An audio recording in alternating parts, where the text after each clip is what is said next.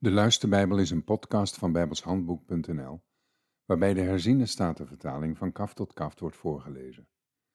Dit is Deuteronomium 19.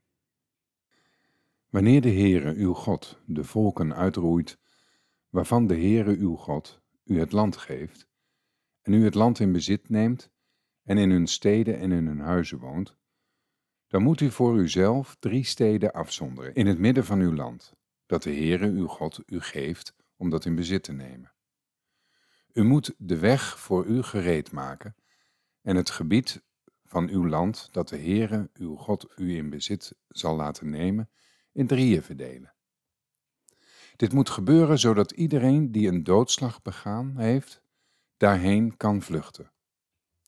Dit is de zaak die iemand betreft die een doodslag begaan heeft en daarheen vlucht om in leven te blijven. Iemand die zijn naaste niet met voorbedachte raden doodgeslagen heeft en die hij tevoren niet haatte. Bijvoorbeeld iemand die met zijn naaste het bos ingaat om hout te hakken en hij maakt met zijn hand een zwaai met de bijl om een boom om te hakken en het ijzer schiet van de steel en treft zijn naaste, zodat die sterft. Die zal naar een van die steden vluchten en in leven blijven. Anders zou de bloedwreker degene die een doodslag begaan heeft, achtervolgen terwijl zijn hart verhit is. En, als de weg te lang zou zijn, zou hij hem inhalen en hem om het leven brengen, terwijl hij niet de doodstraf verdiend heeft, want hij haatte hem tevoren niet. Daarom gebied ik u, u moet voor uzelf drie steden afzonderen.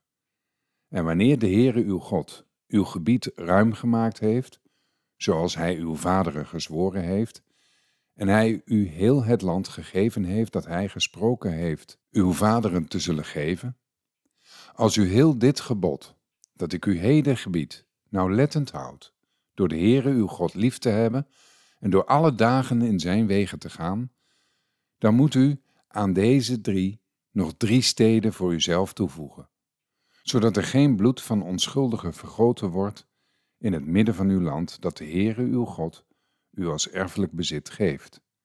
Anders zou er bloedschuld op u rusten. Maar als er iemand is die zijn naaste haat, een hinderlaag voor hem legt, hem aanvalt en om het leven brengt, zodat hij sterft, en dan naar een van die steden vlucht, dan moeten de oudsten van zijn stad boden sturen en hem vandaar meenemen. En zij moeten hem in de hand van de bloedwreker geven, zodat hij sterft. Laat uw oog hem niet ontzien, maar doe het bloed van de onschuldigen uit Israël weg, opdat het u goed gaat. U mag de grenssteen van uw naaste, die de voorouders geplaatst hebben, niet verleggen in uw erfelijk bezit, dat u ontvangt in het land dat de Heere uw God u geeft om het in bezit te nemen.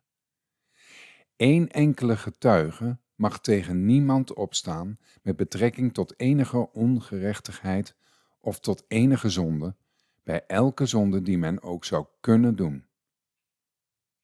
Op de verklaring van twee getuigen of op de verklaring van drie getuigen staat de zaak vast. Wanneer een misdadige getuige tegen iemand opstaat om hem aan te klagen wegens afvalligheid, dan moeten de twee mannen die dit geschil hebben voor het aangezicht van de Heere gaan staan, voor de ogen van de priesters en de rechters die er in die dagen zijn. En de rechters moeten de zaak goed onderzoeken.